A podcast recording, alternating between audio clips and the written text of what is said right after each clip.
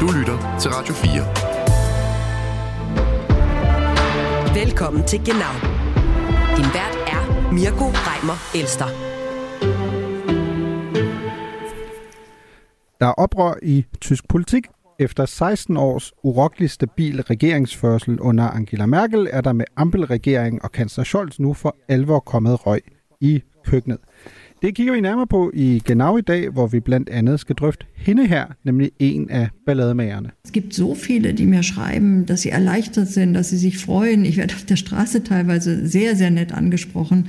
Und ich glaube, wir können hier etwas in Bewegung setzen, was wirklich unser Land zum Guten verändert. Ja, det må være sjovt at være Sarah Wagenknecht øh, for tiden. Så mange, der henvender sig til hende, stopper hende på gaden øh, og håber, at hun nu kan starte noget, som kan forandre landet til det bedre. I hvert fald, øh, hvis man øh, tror på øh, Sarah Wagenknecht. Hvis man troede til gengæld, at øh, højre ekstremisterne fra AFD var, var på vej til at opere øh, midten fra, fra højre, så er der jo nu til synligheden en ny øh, bulldozer på vej ind fra venstre, Sarah Wagenknecht og hendes øh, parti, Bøndenes Sarah Wagenknecht. Så hvad gør de andre partier så nu? Ja, de har travlt med at positionere sig med mere eller mindre held, og det vender vi selvfølgelig også i denne uge.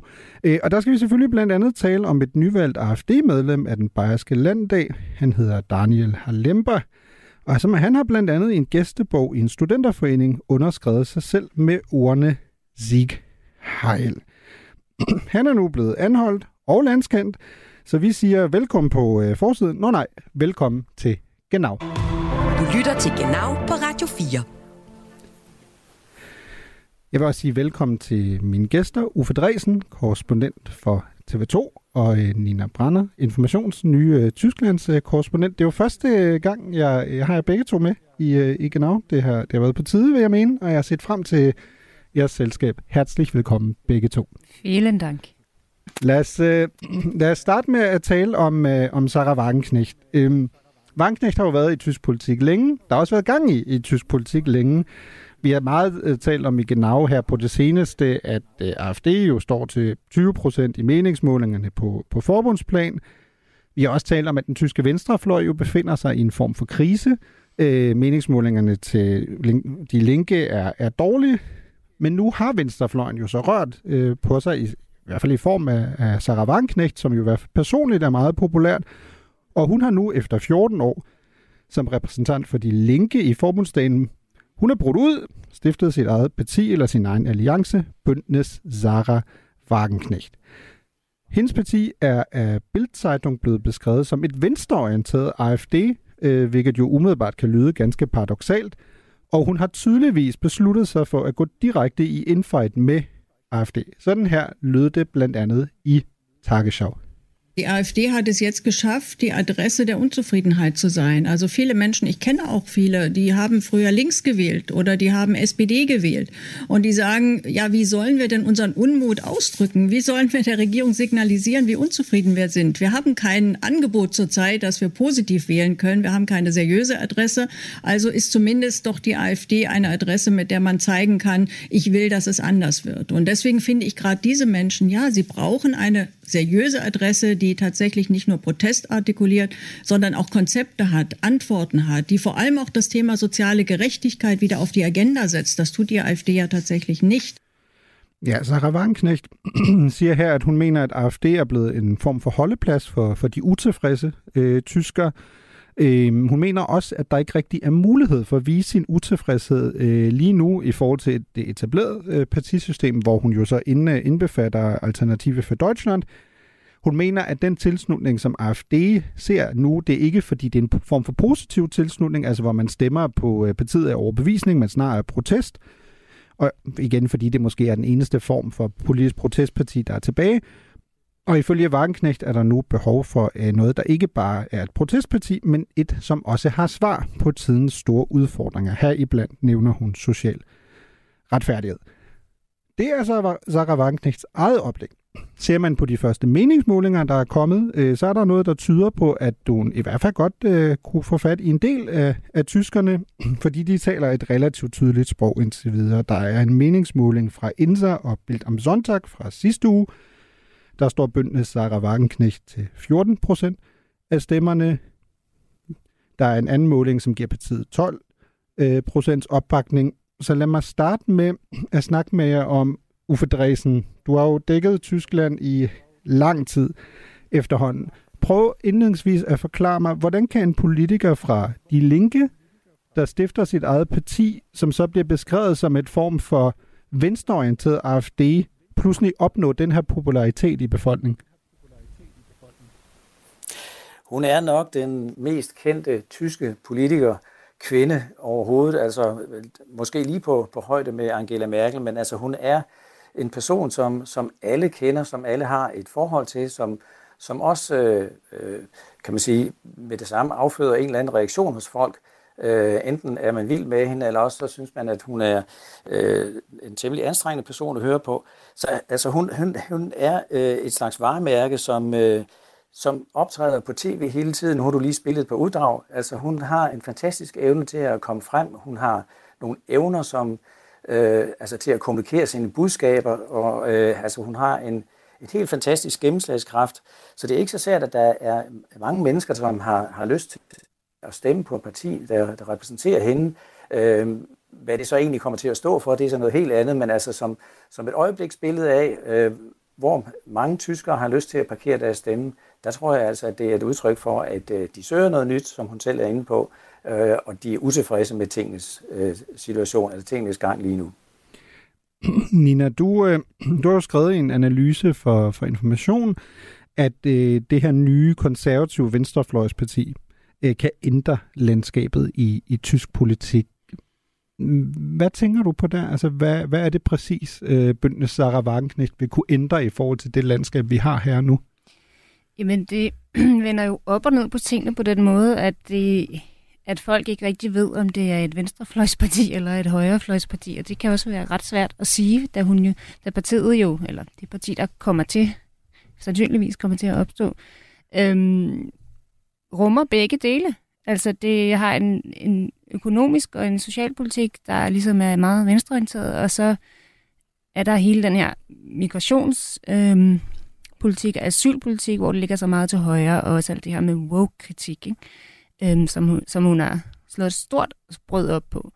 Øhm, så det vender ligesom lidt op og ned på tingene, og så helt konkret, så kan det jo ændre på landskabet ved, at det øh, simpelthen kommer til at stjæle stemmer fra De Linke og fra AFD sandsynligvis, og måske også fra andre partier. Mm, hvis jeg lige skal følge op der, Nina, hvad, hvad er det, altså fordi du skriver det jo også selv i, i din analyse, altså det her med, at det er et konservativt venstrefløjsparti, det er jo lidt en, en modsigelse i sig selv. Øhm, hvad, hvordan er det, at man kan ramme, du siger det jo også selv, at man på en måde skal man så være venstreorienteret social politik, og så højreorienteret identitetspolitik og, og migrationspolitik. I sådan en klassisk analyse af det politiske landskab vil man jo sige, men det kan du ikke, fordi så er du hverken fugle eller fisk. Altså så rammer du lidt den ene del, men ikke den anden. Tror du, at der er der et potentiale i den tyske befolkning, at der ligger nogen, der lige præcis har så modsatrettede holdninger, at man faktisk godt kan finde nogen ved at være venstre på det ene og så højre på det andet? Ja, det tror jeg helt bestemt. Altså jeg tror da netop, at, at meget af hendes popularitet går på, at hun hverken er fugl eller fisk, hun er sin egen. Og det er det, folk er vilde med. Altså hun går mod strømmen. Øhm, og så tror jeg, at der er mange øh, tidligere de linke vælgere, som, øh, som nok også har rykket sig på asylpolitikken, fordi at de, øh, fordi det simpelthen, øh, fordi mange af dem er den opfattelse, at den store indvandring, som jo er i Tyskland, det simpelthen går ud over dem. Så, øh, så jeg, det, det tror jeg bestemt øh, godt, hun kan. Mm. Uffe, øh, jeg vil også gerne lige tale med, der har været en del målinger i forhold til sådan, hvor meget appel er der til, til sådan et parti her, og noget af det, jeg har bidt mærke i, er, at ifølge Deutschland-trend fra denne uge, så mener øh, 36 procent af respondenterne, at det er positivt for tysk politik med et nyt øh, øh Wagenknecht-parti, og 51 procent er uenige. Uffe, hvorfor tror du, at der der trods alt er en vis appel til, at der kommer endnu et parti, øh, fordi tysk politik har jo historisk set været relativt stabil i forhold til, når det kommer til, til nye partier. Det er også svært at, at grundlægge, og i hvert fald succesfulde nye tyske øh, partier, både på grund af organisationen, i forhold til, at landet er stort, men også i forhold til 5 øh, procents øh, spærregrænsen. Tror du, at det her anderledes? Altså er det her måske et af de der nybrud, der kommer nu, ligesom de grønne var det for eksempel tilbage i 80'erne? Altså jeg vil sige, jeg tror, hun står over for nogle helt øh, helt masse praktiske problemer, nogle organisatoriske, øh, altså med at få det der parti op at stå i alle 16 delstater, og øh, hun er ikke øh, kvinden, som, som øh, hun indrømmer selv, hun har ikke sådan det store organisationstalent, så hun skal ud og finde nogle mennesker og arbejde sammen med nogen, øh, og hun skal finde øh, nogen rundt omkring, som sagt, i alle de der delstater. Så det bliver, det bliver en kæmpe stor udfordring, inden hun kan udnytte det der potentiale. Men, men altså, der er jo, som Linda også var inde på, der er jo de her protestvælgere, som i en forstand øh, nu vender hjem til Sarah Wagenknecht. Altså, øh, de Linke scorede, øh, eller PSD i sin tid, efter systemskift, eller øh, efter murens fald, øh, scorede jo de her protestvælgere, efter de var blevet skuffet af fra øh, efter Kohl ikke kunne opfylde deres, sine, sine valgløfter om blomstrende landskaber, så vendte de skuffede vælgere i øst øh, tilbage til, til, øh, til PSD, kan man sige, til de linke. Og, øh, og nu har hun så forladt de linke, men øh, nu kommer nogle af de her vælgere altså hjem igen i, i en vis forstand, altså fra AFD. Øh, så der er altså der er nogle bevægelser derude, øh, som, som er folk, som hun også selv har været inde på. Det er ikke nødvendigvis folk, som har været som har stemt øh, langt til højre øh, hele deres liv. Det kan, det kan sagtens. Altså, der er socialdemokrater, der er masser af arbejdere imellem, ganske almindelige øh, arbejderrepræsentanter, øh, øh som, som altså her synes, der er nogen, der, der, der forsvarer øh, deres situation, altså øh, på et tidspunkt, hvor, hvor alle medier er fyldt med, at øh, Tyskland er ved at blive løbet over ende af flygtninge og indvandrere. Det, og det tror jeg også, hvis jeg lige må tilføje, altså hun er ikke, det er ikke et venstrefløjsparti eller et højrefløjsparti øh, i klassisk forstand, men det er et Germany First parti. Og den øh, mennesker, der øh, stemmer på sådan et parti, findes jo både til højre og til venstre. men er vi, er vi simpelthen ude i, at Sarah Wagenknecht er den tyske Trump for Dresden? Øh, altså for nogle år siden, da Trump lige var blevet valgt, der, der var hun da faktisk meget positiv over for Trump øh, og sagde, at altså, hvis han for eksempel får bygget nogle motorveje og sådan noget, og det skaber arbejdspladser, så er det helt fint. Ja, men øh, altså, hun, hun forstår jo i hvert fald at, at udnytte det, det her øjeblik, hvor jeg, hvor jeg, hvor jeg tror, at, øh, at Tyskland i virkeligheden er i sådan en, en fase, der kunne minde lidt om, om USA før valget der i, i 2016-17. Ikke? Altså, at, øh, at der er mange, der kan se, der sker et eller andet med samfundet, der, der kommer nogle udfordringer udefra, øh, og der er øh, hun måske altså på sådan den der lidt hvor der er både noget konservativt, altså vi skal bevare Tyskland, at vi skal passe på vores virksomheder, vi skal, vi skal frem for alt også opretholde nationalstaten og grænserne og den slags, og så, men så skal vi også sørge for, at der er en social profil, vi tager os af øh, øh, de fattige og pensionister og sådan noget. Det lyder næsten lidt som Dansk Folkeparti. Mm. Altså det er, jeg tror, hun, hun, hun griber fat i noget, som, som er en, øh, en bevægelse i Tyskland for øjeblikket. Hvor stor den kan blive, det kan, det kan være lidt svært at sige, men der er altså de der nok 15-20 procent derude, som hun burde kunne samle op, hvis hun ellers får, får sin organisation op at stå. Hmm. Og, og når vi taler om organisation, det vender vi tilbage til, fordi der er jo et fortilfælde med Sarah Wagenknecht, apropos, og et muligt forsøg på at bryde ud, som efterhånden er et par år gammel, som, som ikke øh, gik så godt, det vender vi tilbage til. Nina, du sagde jo lige før, at det ikke er et højre- eller et venstrefløjsparti. Det, det er Germany first. Men hvis man kigger på de tal, vi har fra for eksempel Deutschland-trenden, så er det jo trods alt meget tydeligt, at den potentielle opbakning, som bøndene Sarah Wagenknecht kan komme, kommer to meget klare steder fra. Øhm, potentialet er, er størst blandt øh, AfD-støtter. 55 procent siger, at de godt kunne overveje at stemme på partiet. Hos de linke er det 40 procent. Det er helt klart suverænt de to steder, hvor der er mest øh, mm. potentiel opbakning. Alt andet ligger under 20 ja. 20 procent. Så det er vel alligevel på en eller anden måde et, hvis vi ikke skal kalde det et højre- eller et venstrefløjsparti, så lad os kalde det et yderfløjsparti. Ja, det kan du sige, ja. Eller hvad? Hvad, hvad mener du med, altså... Altså, det er jo et, et, et parti, der ikke virker til at appellere til den politiske midte, ja. i hvert fald hvis man... Ja, det er rigtigt. Altså, men det appellerer vel til dem, som ikke føler sig repræsenteret af nogen af de andre partier, ikke? Og protestvælgere. Altså, og det er jo også det, hun selv siger, at, at hun er et seriøst alternativ til alternativet, altså AFD. Øhm, og, og flere meningsmålinger siger jo også, at der er rigtig mange protestvælgere blandt AFD-vælgere, mm. altså, som så nu får det her alternativ måske. Ikke? Uffe, jeg har tænkt over noget af det, du lige har sagt i forhold til den der Dansk Folkeparti-sammenligning, fordi det er jo nærliggende at prøve at drage en, en parallel til, til Danmark. Jeg har lidt overvejet, om den mest nærliggende sammenligning i en dansk kontekst faktisk mere er øh, Danmarksdemokraterne med, med Inger Støjberg forstået på den måde, at noget af det, der også er lidt atypisk i den her sammenhæng, er, at det er jo ret sjældent, jeg kan faktisk ikke rigtig komme i tanker om et eksempel i nyere tysk historie, hvor du prøver at grundlægge et parti, som du så markant bygger op omkring en person, frem for en politik. Altså navnet Bøndenes øh, Sarah Wagenknecht øh, siger jo det hele. Tror du, kan man det, Uffe? Altså kan man opbygge sådan et øh, parti på baggrund af groft sagt en form for personkult? Altså sidste gang, der var en, en personkult, øh, det havde man jo dårlige erfaringer med. så der, altså, der har jo været nogle reaktioner, og hun kommenterer også lidt selv med det, at øh, i første omgang, så er det praktisk, fordi folk kender hende og sådan noget, men, men lurer mig, om ikke det bliver ved med at hedde øh, mm. Saravagen. Altså det, det, det er jo varemærket. Jo, altså hun, hun er... Øh, øh, jeg, jeg synes sammenligning med, med med Danmarksdemokraterne er god, fordi det, det er jo en, en, en bevægelse, som, som folk, øh, altså som på en måde forenkler tingene. Vi behøver ikke at forholde, forholde os til en hel masse politikere og sådan noget. Det er enkelt med den her person, og, øh, og, og derfor tror jeg altså godt, at hun, hun kan have en, øh, en, en stor gennemslagskraft blandt den del af vælgerne. Også den del af vælgerne, som, som, øh, som er trætte af politik, og som synes, at der er for mange kompromiser, fordi i den forstand vil jeg sige, der er hun jo et yderfløjsparti, for hun, hun er ikke en, der lægger op til, til kompromis, det er heller ikke noget, hun selv er god til øh, i sin egen politiske øh, fortid. Altså, det er de, de stærke meninger, de klare meninger, og, og så kører det bare derud af. Nina, du, øh, Uffe, har også, jeg kan jo høre, at der er sådan, i jeres semantik er sådan den der, hvis nu det kommer til at ske. Øh, fordi partiet er jo ikke som sådan blevet grundlagt, det bliver, den kommer ligesom, mm.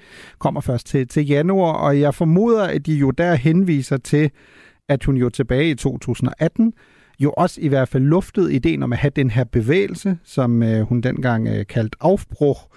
Og det projekt kom jo ikke op at flyve, blandt andet, fordi som Uffe også var, var inde på tidligere, jamen simpelthen fordi, at organisationen simpelthen ikke faldt på plads, og hun måske lige præcis der ikke, ikke har sin stærke side. Det er måske mere i forhold til at være den her form for for øh, frontfigur. Jeg ved godt, det er meget tidligt at spørge om det, men sporene skræmmer jo trods alt lidt i forhold til Sarah Wagenknecht. Altså, tror du overhovedet, at sådan et projekt her kan stå distancen i forhold til at være levedygtigt? Også fordi der er jo først forbundsvalg i efteråret 2025, mm. at der er jo mm. lang tid, før der i hvert fald er et forbundsvalg.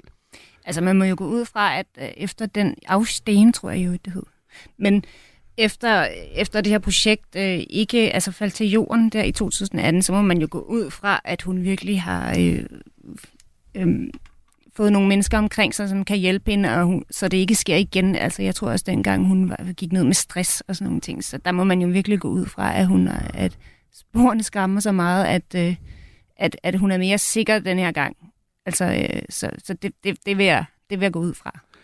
Hvad, hvad, hvad siger du, Uffe? Fordi man kan jo også vende om at sige, måske er distancen ikke til at starte med 2025, altså et forbundsvalg. Måske er det faktisk i højere grad. Der er jo også et europaparlamentsvalg i, i 2024 hvor hun jo måske faktisk kan klare sig ganske godt, fordi der jo normalt i hvert fald er en vis del af befolkningen, der måske er lidt EU-kritisk, som måske godt øh, der kunne, kunne gå over til enten AFD eller hendes på det her tidspunkt jo nye, øh, friske, smarte parti. Jo, helt bestemt. Jeg synes ikke, man har set så mange øh, navne på personer, der går med hende. Altså, hun siger jo selv, at hun har nogen, øh, som vil hjælpe hende osv. Øh, så jeg tror, altså, de næste, den næste tid bliver simpelthen afgørende for, om, om det kommer op at stå. Øh, fordi sidste gang gik det altså bare et halvt år, så var hun ude igen. Øh, stress og, og jeg ved ikke hvad. Altså det, øh, så, så altså, øh, der, har, der, der er jo, man kan sige, det er ikke første gang, at der, at der er nogle af til hendes ting, der, der ikke lykkes helt, som, som hun havde planlagt det. Så altså, jeg vil sige, øh, øh, juryen er stadigvæk ude med hensyn til, om, om det bliver den der øh, nye kraft i, i tysk politik. Mm. Altså, så er der jo også øh, de, tre øh, delstatsvalg i de østtyske delstater i, i 24, så jeg, altså, jeg tænker også, at nu tænker hun, det, nu er det altså nu, jeg gør det, fordi der er spås hun også og, øh, at få nogle gode valg, hvis partiet bliver mm. sådan noget. Ja, også fordi der, der bliver henvist til, at hvis man for eksempel kigger på målingen fra Deutschlandtrend, at øh, den potentielle opbakning eller sympati er væsentligt større i, i Østtyskland end i, ja. end i Vesttyskland. Altså tallene her er, at 39 procent i Østtyskland kunne overveje at stemme på bøndene Sarah Wagenknecht sammenlignet med, med 26 procent i, i Vesttyskland. Noget andet, jeg også lige vil runde med jer, øh, er, er navnet. Fordi det, det har der jo været lidt diskussion om, også i Tyskland, fordi bøndene Sarah Wagenknecht, BSV, øh, har jo medført, at øh, i hvert fald forbundet for svømmebassiner og wellness øh, er blevet bombarderet med telefonopkald. Det samme gør sig gældende for Berlins bygningsrengøring øh, og Foreningen for Solenergi. Og det er jo, fordi de alle tre også har forkortelsen BSV. Uheldigt eller nærmest uundgåeligt i et land med mange forkortelser som Tyskland? Hvad siger du, Uffe? Jamen, jeg tror, hun, hun er nødt til at bare kalde det liste Sara. Altså, det, det må blive lidt enklere. Det der BSV, det, det synes jeg udstråler noget helt andet. Så ja, der er nogle praktiske problemer i det, og, og det er sikkert noget af det, som man ikke har undersøgt så meget, inden, inden man gik i gang med det her. Øh, så jeg tror, altså uanset hvad, så, så bliver det hendes kontrafej, der, der kommer til at tegne på øh, partiet, og det bliver måske også hendes navn, der bare i forenklet form. Liste Sara. Og det hedder jo... Kommer til at være navnet. Det hedder jo faktisk Bündnis Sarah Wagenknecht øh, for fornuft og retfærdighed. Det er jo et lidt langt og klumpet navn, ikke? Det er meget tysk, ikke? At det skal være langt ja. og kompliceret, ja. Jeg opfatter hende egentlig som en ret retfærdighedssøgende, altså hvad hun nu opfatter som retfærdighed. Politiker og menneske. Øhm, og det her, jeg opfatter hende faktisk også som sådan en ret jordnær person på en måde. Altså hun taler jo meget om, om den almindelige tyskers hverdag og udfordringer og institutionspladser og øh, ældrepleje og pension og busser, der ikke kommer til tiden og sådan noget. Altså, det, det er faktisk nogle meget nede på jorden ting, hun taler om. Så det, det, altså, det tror jeg sådan set mm. også, at nogle klassiske linke vælger, øhm, altså at det er en grund for dem til at måske at stemme på hende. Hvad siger du til det, øh, Uffe? Du, du har som sagt dækket Tyskland i lang tid, har jo også været til, til vælgermøder og demonstrationer og andet, hvor potentielle, altså nu øh, bøndte Sarah Wagenknecht vælger øh, huser. Øh, jeg vil jo indrømme, når, når jeg hører Nina sige det, at sådan, jorden er ikke det første, jeg personligt tænker, når jeg tænker Sarah Wagenknecht, øh, kvinden, der har en Ph.D., øh, er tilpas øh, på polemisk, Øh, jeg synes også, det er interessant, Nina, at du siger, at hun er retfærdig. Jeg vil nok nærmest sådan bruge titlen på hendes egen bog og sige, at hun virker sådan lidt selvretfærdig og lidt, lidt selvglad også i forhold til, at... det, det er hun jo sikkert også. Men hvad siger du, Uffe? Nej, men altså, altså hun er jo en meget, meget interessant personlighed. Det må man sige, og nu har jeg jo været nødt til at læse lidt mere op på hende her, øh, og, og, og bliver bare fascineret af det. Øh, men, men en ting er, øh, hvad hun i virkeligheden er som person, og det, det skal man passe på med at, at sætte, øh, sætte ord på, medmindre man kender hende rigtig godt. Men, men altså noget andet er jo, hvordan hun fremtræder. Øh, og der, der kan hun jo, som, som Nina siger, der, der kan hun tage de der ting op, som, som folk flest godt kan se, der er noget galt her, og, og måske selv har oplevet som problemer. Øh, så, så der er hun god til at, at, at fange de der ting. Øh, hun er, jeg tror ikke, man kan bare påstå, at hun er ikke nogen folkelig person. Nu læste jeg også, at, øh, at hun i virkeligheden har, hun har jo, hun er ikke nogen holdspiller, hun er heller ikke øh, hun, hun er heller ikke en, der øh, i virkeligheden bryder sig om øh, menneskemængder og, og, og, og tæthed i den forstand. Altså hun flygter væk, hun flygter fra talerstolene og skal ud i sin bil med det samme. Øh, hun har også været udsat for sådan et, øh, et attentat, altså et attentat med en, øh, en lavkage, vi smurt op i hovedet på hende.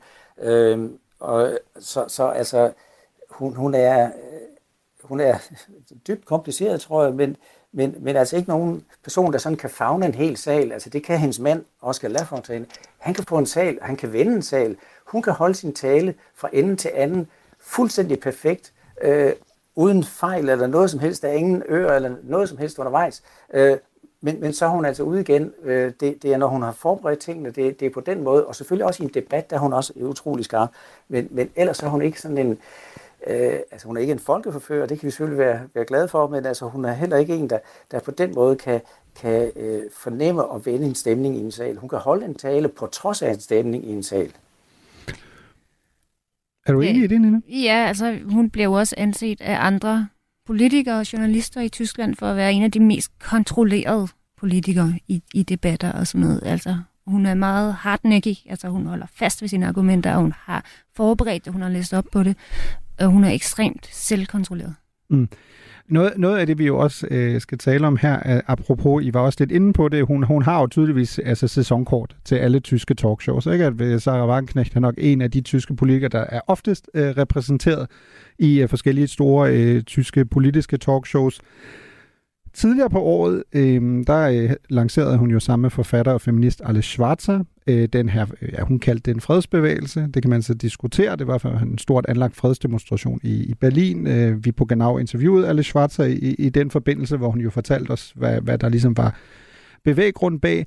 Men den demonstration og bevægelsen, og også Wagenknecht og, og kompaner, er jo sidenhen flittigt blevet kritiseret for, at de skulle have et naivt budskab i forhold til Ruslands angreb på Ukraine, og også forholdet til Rusland. Og der er vi tilbage til Wagenknecht og de mange talkshows, fordi hun bliver ved med og har mange gange jo understreget, at Rusland skal have, hvis ikke en chance, så skal man i hvert fald forstå Rusland, hvis man vil finde en løsning på blandt andet angrebet på Ukraine. For eksempel her i uh,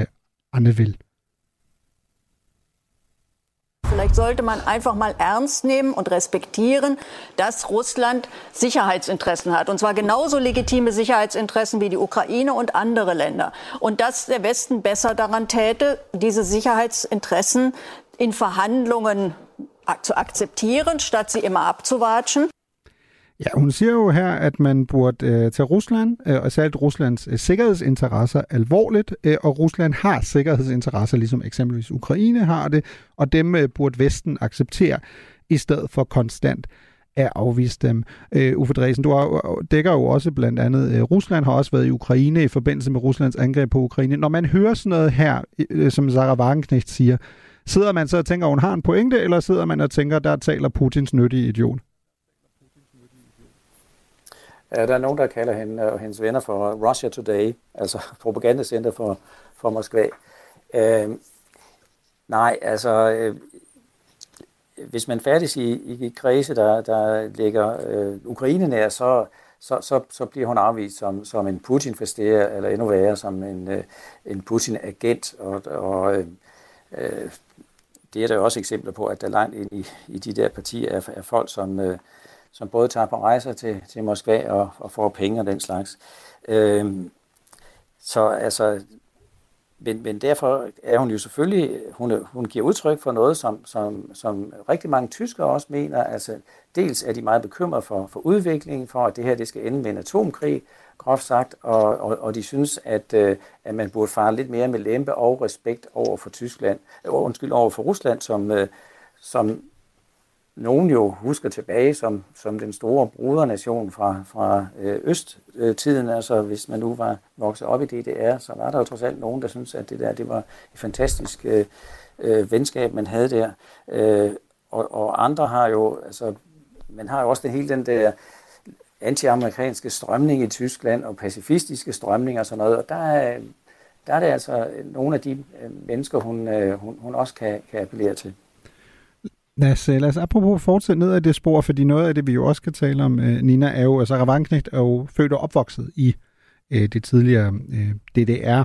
Og noget af det, hun jo især har fået ørerne i maskinen for, især efter øh, genforeningen i, i 90'erne, er, når hun så blev konfronteret som en, der tidligere var medlem af en kommunistisk forening, var medlem af, af venstrefløjspartierne i øh, det gamle DDR, var jo det her evige spørgsmål, hvor vil du egentlig hellere bo? Vil du hellere øh, fortsætte med at bo i, i DDR eller i øh, det nye, øh, nye forbundsrepublik? Øh, og der sagde hun blandt andet øh, tilbage i 1994, da hun blev spurgt øh, om, øh, hvad hun havde foretrukket sådan her. Wenn Sie jetzt ähm, die Bundesrepublik Deutschland mit der DDR vergleichen, welches Gesellschaftssystem steht Ihnen näher?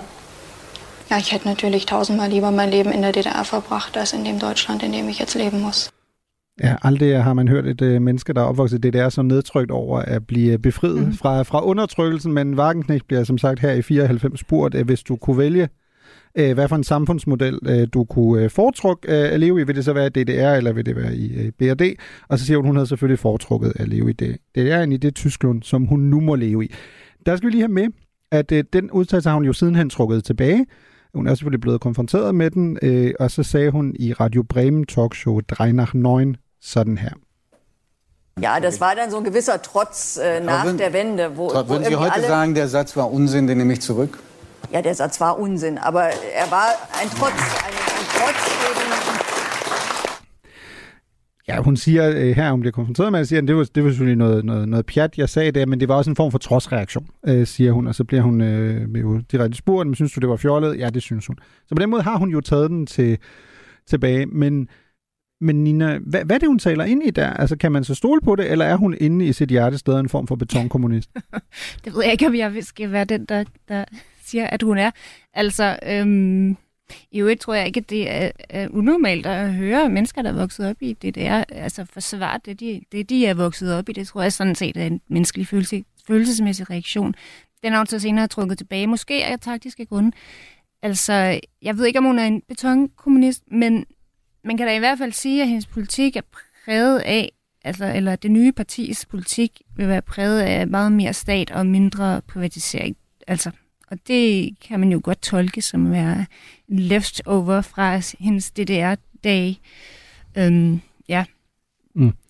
Uffe, hvad, hvad siger du? Er, er vi sådan stadig over i, i betonkommunist? Er, er hun måske, hvis man nu skulle lave Goodbye Lenin 2, vil hun så være, øh, kunne hun så spille hovedrollen af en, der var blevet hængende fast og helst stadig skulle leve, som om vi stadig var i det der?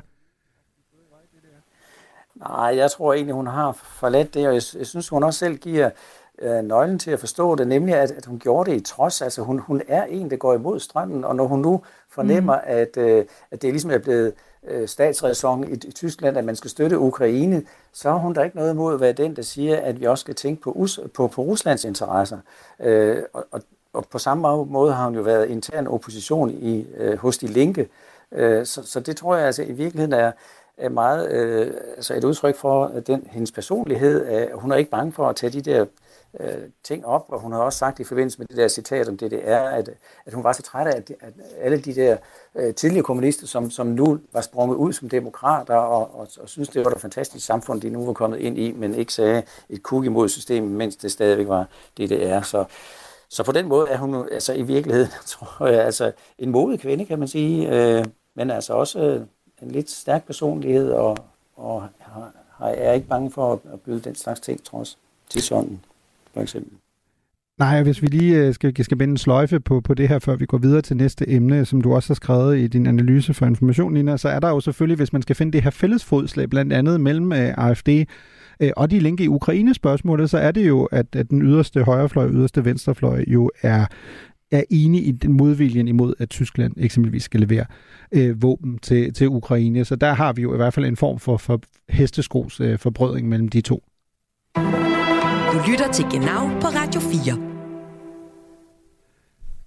Vi skal også tale om en, en video, der er gået øh, viralt øh, i, i denne uge, langt uden øh, for Tysklands grænser. Øh, fordi torsdag sendte de, de Grønnes øh, Robert Habeck, som jo er vicekansler og økonomiminister i, øh, i forbundsregeringen, en video ud, hvor det blandt andet lød sådan her. Die hier liebenden Muslime haben Anspruch auf Schutz vor rechtsextremer Gewalt. Zu Recht. Wenn sie angegriffen werden, muss dieser Anspruch eingelöst werden und das Gleiche müssen sie jetzt einlösen, wenn Jüdinnen und Juden angegriffen werden. Sie müssen sich klipp und klar von Antisemitismus distanzieren, um nicht ihren eigenen Anspruch auf Toleranz zu unterlaufen. Für religiöse Intoleranz ist in Deutschland kein Platz. Wer hier lebt, lebt hier nach den Regeln dieses Landes und wer hierher kommt, muss wissen, dass das so ist und so auch durchgesetzt werden wird. Unsere Verfassung schützt und gibt Rechte. Sie legt aber auch Pflichten auf, die von jedem und jeder erfüllt werden müssen. Beides kann man nicht voneinander trennen. Toleranz kann an dieser Stelle keine Intoleranz vertragen. Das ist der Kern unseres Zusammenlebens in dieser Republik. Das heißt, das Verbrennen von israelischen Fahnen ist eine Straftat. Das Preisen des Terrors der Hamas auch. Wer Deutscher ist, wird sich dafür vor Gericht verantworten müssen. Wer kein Deutscher ist, riskiert außerdem seinen Aufenthaltsstatus. Wer noch keinen Aufenthaltstitel hat, liefert einen Grund, abgeschoben zu werden. Ja, der, der er meget at tale om. Jeg kommer til at opsummere. Jeg kan kun anbefale, at man øh, går ind og hører hele Robert øh, Habecks tale, som jo er på tysk, men som jo nu har både engelske, hebraiske og arabiske undertekster. Små 10 minutter lang. Virkelig et godt vindue ind også i Tysklands forståelse Øh, i, i, i forhold til, hvordan man ser øh, situationen i, i Mellemøsten lige nu. Men øh, kernen af det, som, som Habeck siger i, i den her bid, er, at Muslimer, som lever i Tyskland, har ret på, at de bliver beskyttet mod højreorienteret vold, men det samme, altså at sige fra, bliver de nødt til at gøre, når jøder nu bliver angrebet. Der er ikke plads til religiøs intolerance. Den tyske forfatning giver rettigheder, men den indeholder også pligter. Og hvis man gerne vil nyde godt af tolerancen, eksempelvis som muslim i Tyskland, så bliver man simpelthen også nødt til at sige fra over for intolerance. Øh, og så nævner han helt konkret, det er jo noget af det, der er blevet diskuteret også i debatten i Tyskland, at det er strafbart at brænde det israelske flag, Hvis man er tysk statsborger, så ryger man i retten øhm, i forhold til det her. Hvis man ikke er tysk statsborger, risikerer man at ryge ud. Øh, og hvis man eksempelvis ikke har fået opholdstilladelse endnu, så kan det resultere i, at man potentielt også får afslag øh, på den. Nina, hvorfor er det, at der sådan er en relativt bred anerkendelse af i Tyskland, at Robert Habeck rammer den totalt rent her? Jamen, han har jo virkelig fået meget ros for den her tale, og øh, der er mange, der synes, at, at den tale var den, som øh, Scholz ikke kunne holde, eller ikke har holdt. Øhm, jeg tror, der er mange, han, han får mange nuancer med, Robert Habeck, i den her tale, hvor øh, Olaf Scholz hele tiden har været ude at sige, siden den 7. oktober, at der er nul tolerance over for antisemitisme i Tyskland. Øhm, og det siger Robert Habeck jo også. Men han får nogle flere nuancer med og, i forhold til, at der også øh, selvfølgelig skal være plads til at kritisere Israel.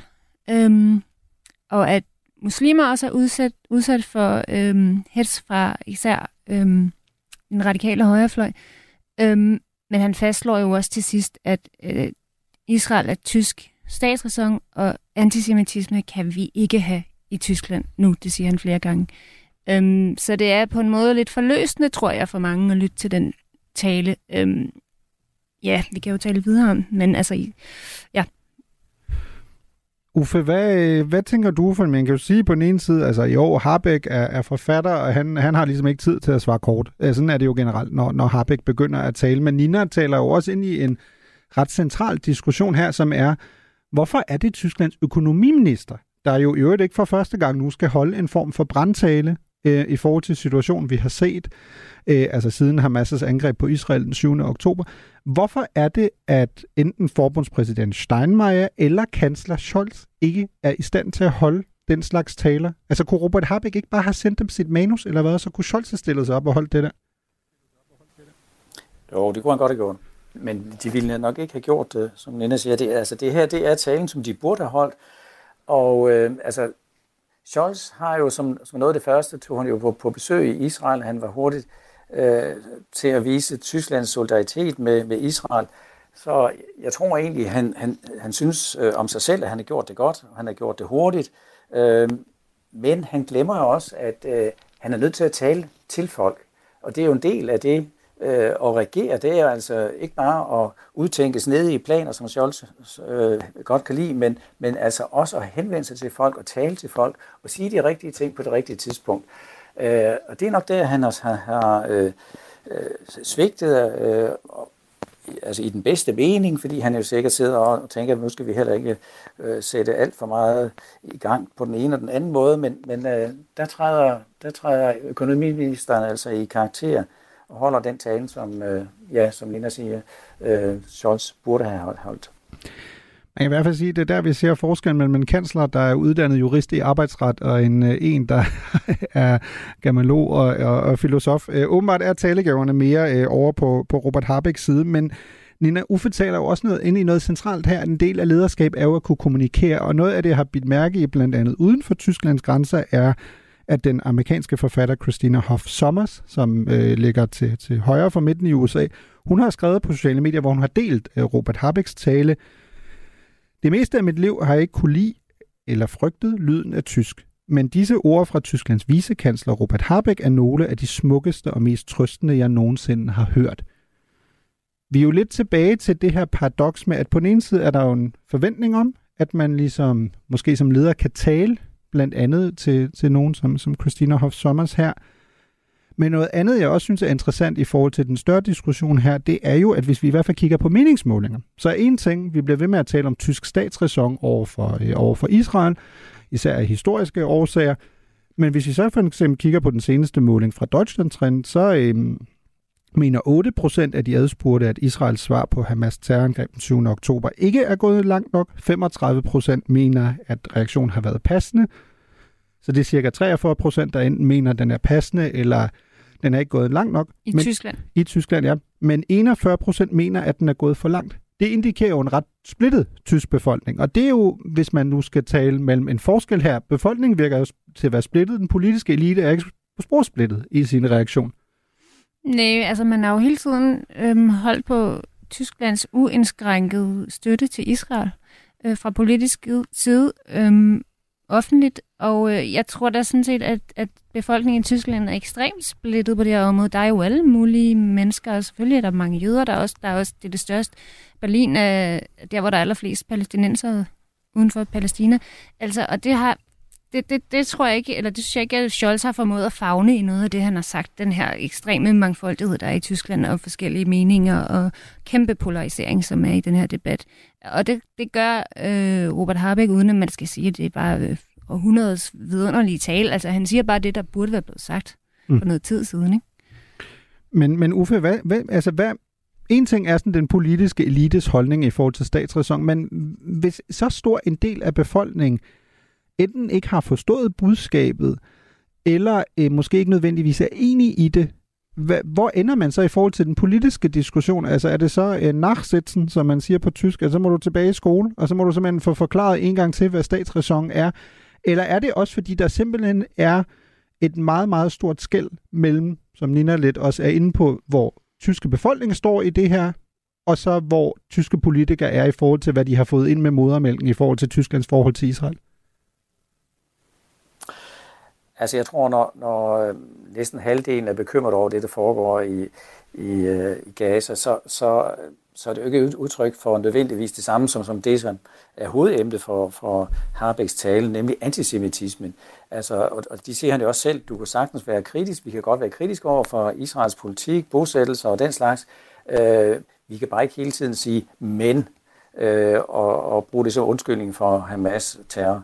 Så altså, øh, jeg tror, der er, øh, det er en, en polariseret holdning, men, men, men altså antallet af, af, af mennesker, som, som han i virkeligheden forsøger at øh, øh henvende sig til med den her tale, det er altså ikke de 41 procent, eller hvor mange der nu var. Altså, det er trods alt en mindre andel af befolkningen, øh, men det er jo noget af det, der er, er kan man sige, Israels udfordring for øjeblikket, det er jo, at øh, uhyreligheden, der bliver begået der den 7. oktober, øh, Øh, blegner jo, eller, eller de, de fortoner sig, øh, fordi vi, vi hver dag ser billeder fra Gaza, og så, så glemmer man, hvad er egentlig årsagen til det hele, hvorfor startede det hele, øh, og, og så er der dem, som aldrig nogensinde har anerkendt, at det i virkeligheden fandt sted.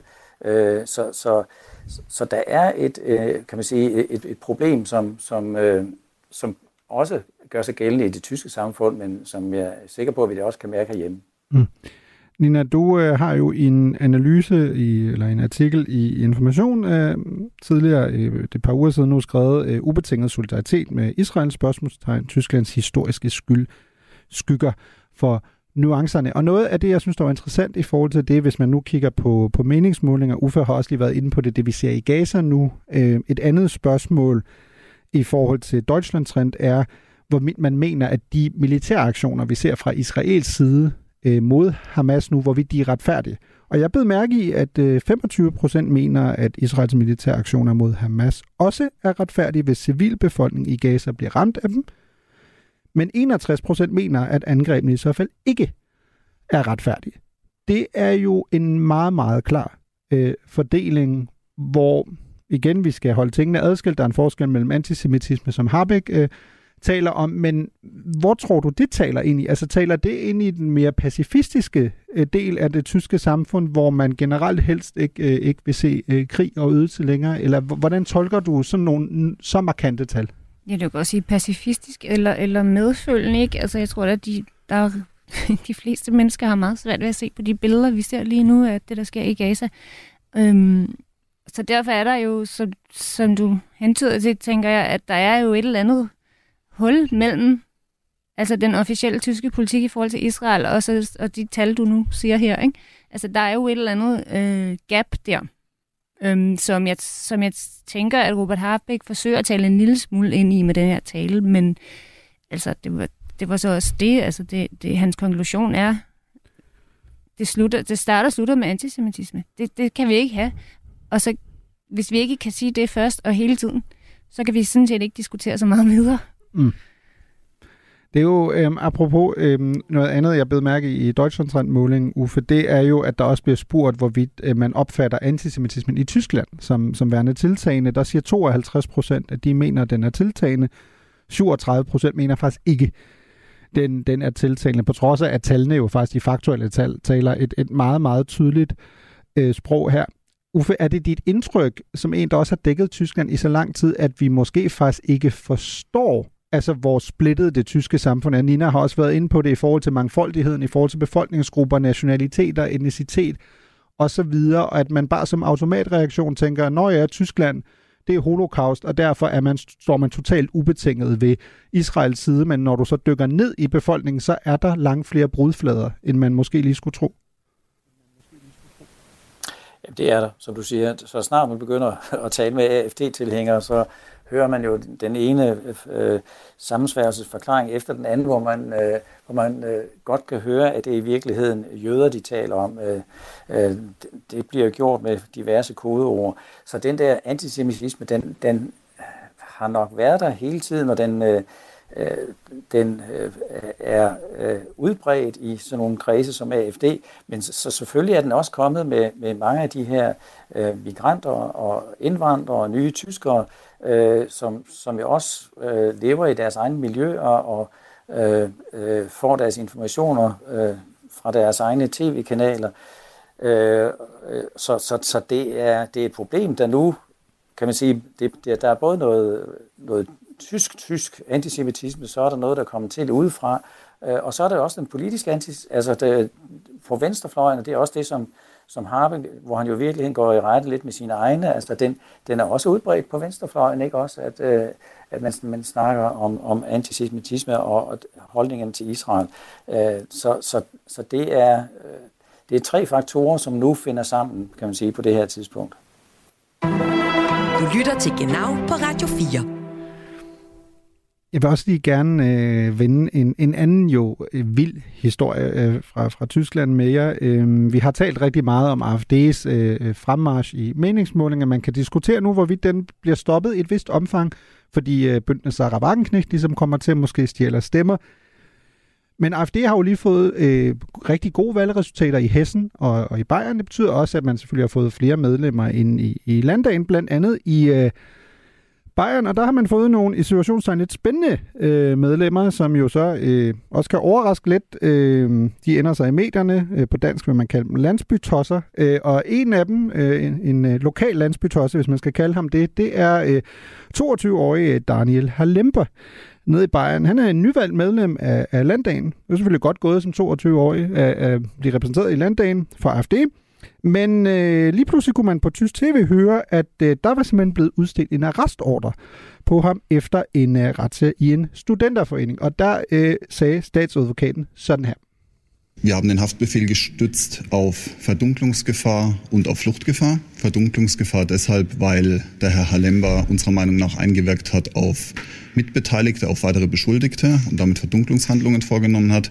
Fluchtgefahr deshalb, weil er das vergangene Wochenende untergetaucht und für uns nicht greifbar war. Ja, det er jo en total øh, sindssyg historie. Altså statsadvokaten siger, at der har både været fordunklungsgefar, det, det henviser til, at man mener, at øh, Halimba, altså et folkevalgt medlem af landet i Bayern, har påvirket andre anklagede i, i sagen, altså i forhold til retsjern, og at der også er bekymring for, at han øh, kunne finde på at flygte, og det var med henvisning til, at han var gået under jorden i øh, den øh, forgangne weekend, og sådan sagde altså Thorsten Sebach, som er statsadvokat. Øh, det sagde han til nyhederne Bayerischer øh, Rundfunk. Man kan selvfølgelig øh, overveje, hvorvidt Hellember så måske søgt tilflugt i førerbunkeren, eller hvor han så er gået hen, men det er ikke det, vi, det, vi skal spekulere over nu. Øh, Uffe Dresen, lad os starte med, hvor, hvor sindssyg er den her sag? Altså en 22-årig mand, som er medlem af landdagen, som øh, nu potentielt risikerer fængselsstraf for volksverhetzung. Altså det beviser jo, at, øh, at den slags typer findes i AFD, og der ikke er nogen, der har, der har øh, sørget for at spærre døren for dem. Øh, Sydøst havde også hævet et andet eksempel frem, nemlig øh, den øh, kvindelige dommer, som blev anholdt i forbindelse med det her øh, angivelige kupforsøg. Det er snart ved at være et års tid siden, den store, kæmpe store aktion, hvor man har øh, anholdt den her medlem af den der bande, som havde tænkt sig at gennemføre et kup mod regeringen i Berlin.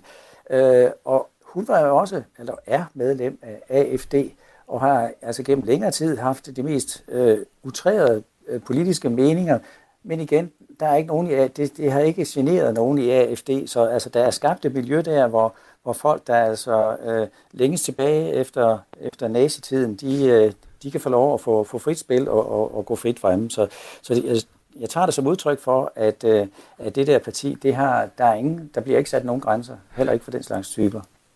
Jeg kan godt høre, Uffe, at du ikke har styr på formerne her, du, om, som du omtaler kvinden. Hun var altså Tysklands kommende justitsminister, øh, hvis man skulle tro på, på Reichsbürger-bevægelsen. Øh, men øh, men øh, det er jo en, en god, øh, god pointe, du har der i forhold til, at det virker til at være sådan højere orienteret pendant til Nick og Jay. Tag mig tilbage til dengang, alting var så fedt. Det var det er åbenbart øh, Daniel Halempas øh, øh, yndlingsnummer.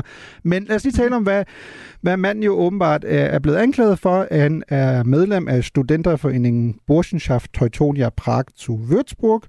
Og her skulle han blandt andet have underskrevet en gæstebog med hilsen Sieg Heil. Desuden skulle der også have fundet, blevet fundet en række nazi-genstande og våben i den forening. Og selv har Halemper sig i forhold til øh, fundet af de her genstande og i forhold til anklagerne mod ham sagt følgende til Bayerischer Rundfunk. Ich habe mich nicht der Volksverhetzung und des Verwendens verfassungsfeindlicher Kennzeichen strafbar gemacht. Davon bin ich überzeugt. Und wenn man irgendwo Nazi-Symbole gefunden haben könnte, die man mir jetzt eventuell versucht zuzuschieben, dann ist es einfach falsch und dann ist es auch nicht haltbar. Ja, øh, Halember henviser til, at han ikke mener, han har gjort sig strafbar i forhold til øh, folksforhetzung. Det vil jeg lige kort forklare, inden jeg går videre i forhold til, hvad han også siger. Øh, Volksverhetzung i Tyskland dækker juridisk over, at man opfordrer til eller tilskynder til had eller voldshandlinger mod bestemte grupper, eller benægter eller bagatelliserer visse historiske begivenheder. Det er strafbart efter straffelovens paragraf 130 i Tyskland, og så frem man bliver dømt, risikerer man en ubetinget fængselsstraf på mellem 3 måneder og 5 år, som ikke kan afløses af en bøde eksempelvis. Så hvis Halemper bliver dømt, så ryger han i fængsel. Han henviser også til, at så frem der skulle være fundet nazisymboler, så var det i hvert fald ikke hans, og der kunne man jo næsten tro, at han var Hubert Aiwangers bror, øh, fordi Hubert Aiwanger jo også øh, har haft en sag med antisemitiske flyveblade, men det var så broren. Det kan være, at Daniel Halimper også kan have en bror, der kan dukke op ud af ingenting. Det, det, det, det vil være belejligt. Det vil det ikke være, det vil belejligt, Nina, ikke? Men, men Nina, altså, hvad, hvad, hvad, hvad sker der? Altså, er det bare, som Uffe også var inde på, er det den risiko, du har, når du lige pludselig som et mindre øh, ekstremt parti eller et stort ekstremt parti bliver større, øh, og så ender du bare i en situation, at der kommer nogle kandidater, du får nogle folkevalgte, så, hvor man ikke lige har haft tid til at lave baggrundstjekket. Øh, ja, til synlædende jo. Altså, det er jo, det er jo det, der er sket, og jeg vil også bare minde om, at dele af AFD jo faktisk står under overvågning for at være forfatningsstridig. Altså, det er noget, man har levet med i lang tid. Øhm, og Bjørn Høgger har jo også været ude og forsvare øh, ham her, øh, Harlemba på Twitter, så altså, det ved jeg nu ikke, mm. øhm, hvor, hvor alvorligt, eller hvor, altså, hvor, hvor, ja, hvor alvorligt AFD tager det. De vil nok bare gerne have den her sag til at drive over hurtigst muligt. Mm. Her til sidst, Uffe, i forhold til det her, noget af det, jeg synes, der har været meget interessant, eller forstyrrende alt efter, hvordan man ser det i tysk politik, har været, hvis vi tager Bayern specifikt, der var den her sag med Eivanger, de antisemitiske flyveblad og andet, og rygmavsreaktion i forhold til den politiske analyse i Tyskland havde været, at hvis du kommer ud i sådan nogle øh, beskyldninger, så vil det skade dig enormt politisk. Men med Eivanger har vi jo også i det her program diskuteret et par gange, hvorvidt det nærmest måske faktisk gav øh, Freie Wähler og højrefløjen i Tyskland noget rygvind, fordi de så kunne køre en kampagne mod medierne, der systematisk prøvede at, at gå efter politikere, de ideologisk set var uenig i. Tror du, at der kan være sådan en Hubert Eifanger-effekt også i forhold til øh, Daniel Halempe? Ah, jeg tror måske, han, det er, han er gået lidt, lidt mere over stregen, men, men du har fuldstændig ret, det er et interessant fænomen, og, og det er jo et udtryk for, at der er en hel del tyskere, som bare trækker på skuldrene af det her og siger, jamen det skal ikke betyde noget for, og vi kan godt stemme på, på den og den person, selvom han har, øh, er sat i forbindelse med, med sådan nogle ting her. Øh, altså det værste, man kan forestille sig i virkeligheden, nazitiden. Øh, så så jeg, jeg er bange for, at det er udtryk for, at øh, der er nogle ting, der er blegnet lidt. Øh, nu talte jeg før om, om massakrene i, øh, altså i Israel, og nu, og nu her, altså øh, uhyreligheden under 2. verdenskrig. Øh, for nogle tyskere er det åbenbart bare noget, man læser i historiebogen, så historisk ansvar eller ej, så, så mener de, så kan man altså alligevel godt stemme på, no, på, på sådan et parti, der, der indeholder øh, personer som ham her, Halemba. Og hvis man skal tro på, at, at en del af AFD's vælgere jo er meget højere ekstreme og faktisk sympatiserer med de her synspunkter, så er det jo faktisk bare en bonus for dem. Du tænker simpelthen, at de siger Heil Halemba? Måske, det er i hvert fald ikke noget, der får dem til at ikke stemme på AFD.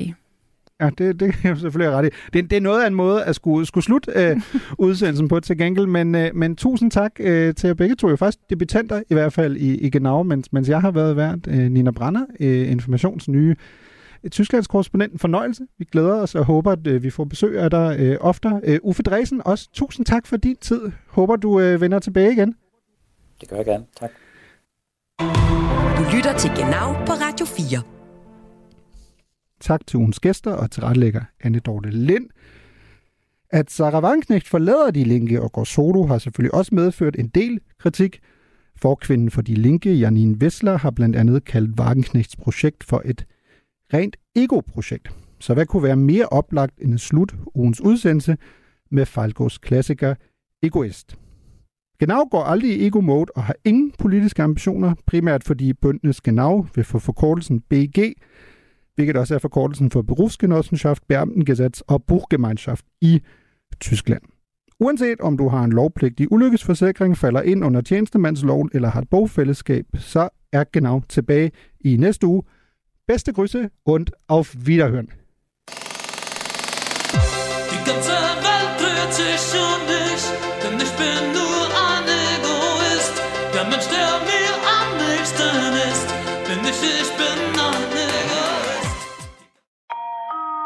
Han nægter, at der har været tale om sådan en bevidst manipulationsstrategi fra hans side. Ikke? Charles Manson. Og det er jeg overbevist om, der har været. Kultlederen, der endte som centrum for en række bestialske drab. At det lige går ud over de mennesker, det går ud over, det er et tilfælde. Lyt med, når Christoffer Lind forsøger at forstå mennesket bag monstret i Krimiland. Manson er helt sikkert sociopat. Højst sandsynligt psykopat. Find det i Radio 4's app, eller der, hvor du lytter til podcast. Radio 4. Der er måske mere bag. Ikke så forudsigeligt.